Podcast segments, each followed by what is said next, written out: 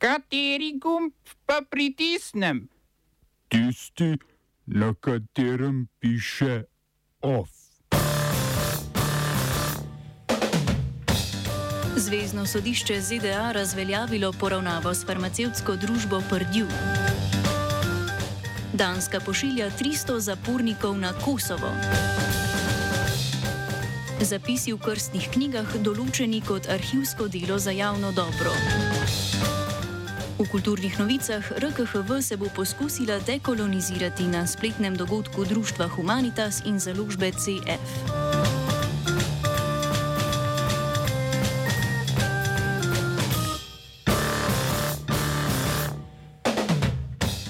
Zvezdno sodišče v New Yorku je izničilo sodno poravnavo, ki jo je potrdilo stečajno sodišče za družbo Sekler, lastnico ene večjih farmacevtskih družb Purdue Pharma Limited Partnership. Purdue proizvaja protibolečinski opioid oksikodon, enega izmed glavnih vzrokov za opioidno krizo v Združenih državah Amerike. Družina Sekler je sklenila približno 4 milijarde evrov vredno poravnavo, ki jo ščiti pred nadaljnimi tožbami zaradi odgovornosti za opioidno krizo. Denar v poravnavi naj bi družina namenila reševanju te zdravstvene krize.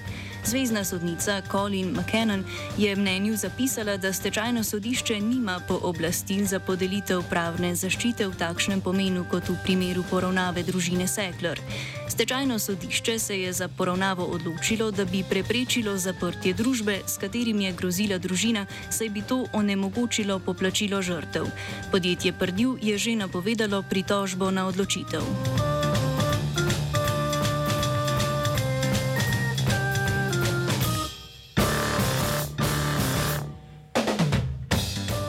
Angliški pokrajini Shropshire so liberalni demokrati na predčasnih volitvah premagali konzervativce premijeja Borisa Johnsona.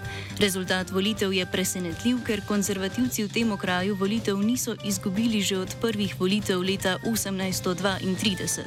Zmagovalka Helen Morgan o razglasu rezultatov.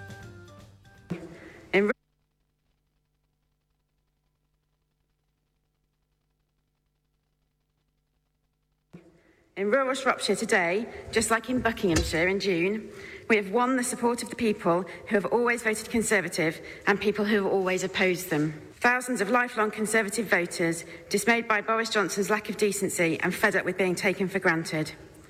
And thousands of lifelong Labour voters choosing to lend their votes to the candidate who can defeat the Conservatives. Rezultat je tudi jasen odziv angliške javnosti na afere, ki so jo pretresale v zadnjem tednu. Podpredsednik konzervativne stranke Oliver Dowden je dejal, da je vlada prejela hudo brco v zadnico, konzervativni poslanec Roger Gale pa je Johnsonu zagrozil z odstopom, če bo prišlo do še enega podobnega spodrsljaja.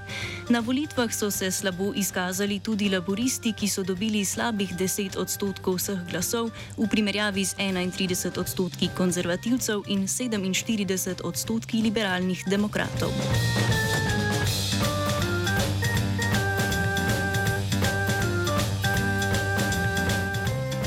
Turčija bo s 1. januarjem zvišala minimalno mesečno plačo za 50 odstotkov. Ta bo tako znašala 240 evrov. Državljani, ki bodo prejemali minimalno plačo, bodo oproščeni tudi plačila davkov na dohodnino. Po podatkih Turškega urada za socialno varnost, delež populacije, ki prejema minimalno plačo, presega 40 odstotkov. Razlog za tako nenaden dvig je naraščajoča inflacija, ki je po podatkih Turške centralne banke prejšnji mesec presegla 21 odstotkov. Po mnenju številnih turških ekonomistov je inflacija še višja in naj bi znašala najmanj 60 odstotkov. Nestabilnost turške lire je posledica Erdoanovega ustrajanja pri nizkih obrestnih merah, s čimer turška finančna politika nasprotuje splošnim ekonomskim načelom in spodkopava mednarodno zaupanje v liro. Zvišanje minimalne plače, ki je največje v zadnjih 50 letih države, pa še vedno ni dovolj visoko, da bi nadomestilo realno izgubo kupne moči. V evropski vrednosti bo zvišana plača še vedno vredna skoraj tretjino manj, kot je bila na začetku leta 2020.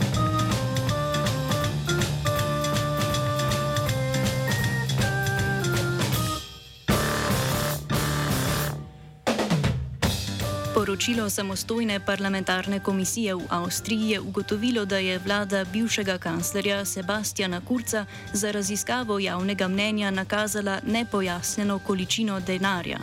Zabine Bajnšap, ki dela javnomnenjske raziskave pri avstrijskem časopisu Osterreich, bi morala za izvedbo študije prejeti 35 tisoč evrov, a jih je namesto tega dobila 156 tisoč. V preiskavi je poleg Bajnšap osumljenih še devet oseb, med njimi tudi lastnike, lastnika Osterreicha, Wolfgang in Helmut Feller. Po mnenju parlamentarne komisije naj bi prejela denar v zameno za soodločanje pri uredniški politiki, posel pa sta domnevno sklenila s takratnim generalnim sekretarjem Ministrstva za finance Tomasom Šmidom. Vodja finančnega toživstva Wolfgang Pešhoren je dejal, da bo zopr upletene uveljavil kazenske in civilno-pravne postopke in da se je delo šele pričelo.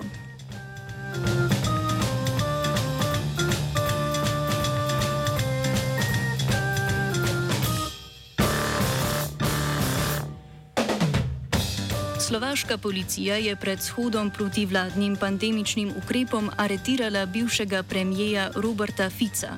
Ficova stranka Smer SD je protest organizirala zaradi julijske pobude za referendum o predčasnih volitvah, ki ga je Slovaško vrhovno sodišče zavrnilo. Stravk stranka je protest organizirala kljub prepovedi zbiranja več kot šest oseb, zaradi česar je bil nekdani premijer tudi aretiran.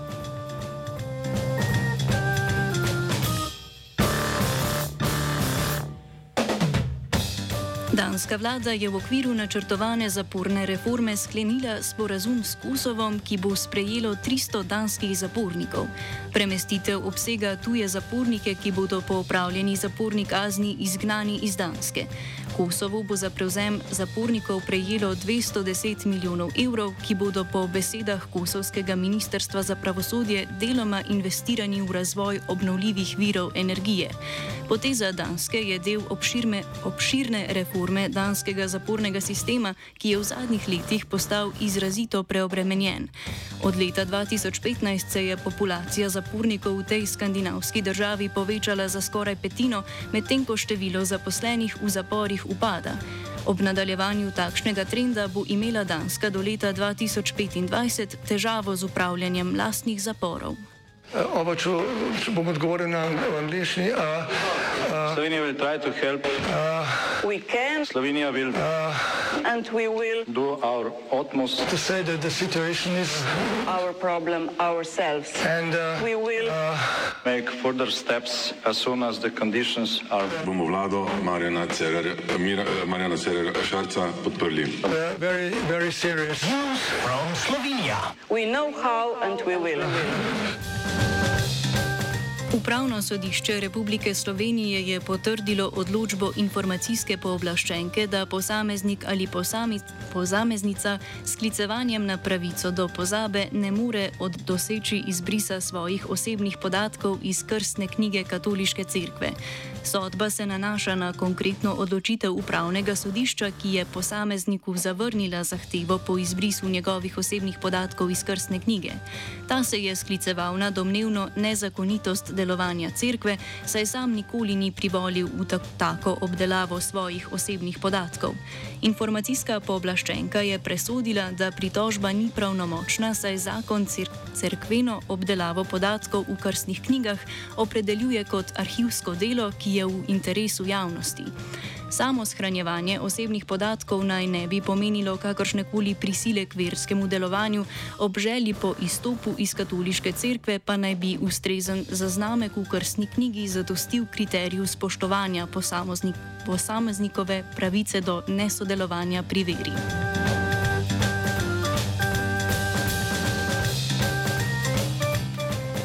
Ustavno sodišče je razveljavilo določbi zakona o delo delovnih razmerjih in zakona o javnih uslužbencih.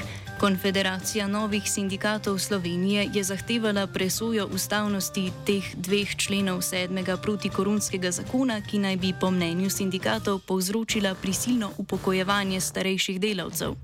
Ureditev predpisuje, da lahko delodajalec zaradi poslovnih razlogov, ki jih ni dolžan utemeljiti, prekine delovno razmerje z uslužbencem, ki izpolnjuje pogoje za upokojitev.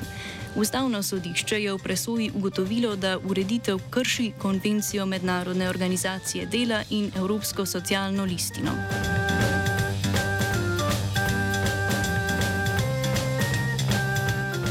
Državni zbor zaradi neskladnosti z zakonom o radioteleviziji Slovenija ni glasoval o novih članih programskega in nadzornega sveta tega medija.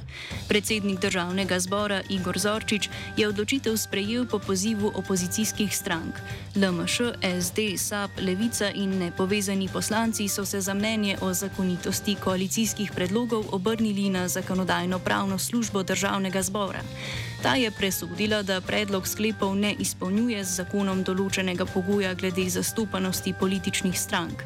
Mandatno-volilna komisija je namreč za nove člane nadzornega in programskega sveta imenovala zgolj kandidate strank, ki podpirajo vlado. Vsi predlagani kandidati opozicijskih strank so bili zavrnjeni.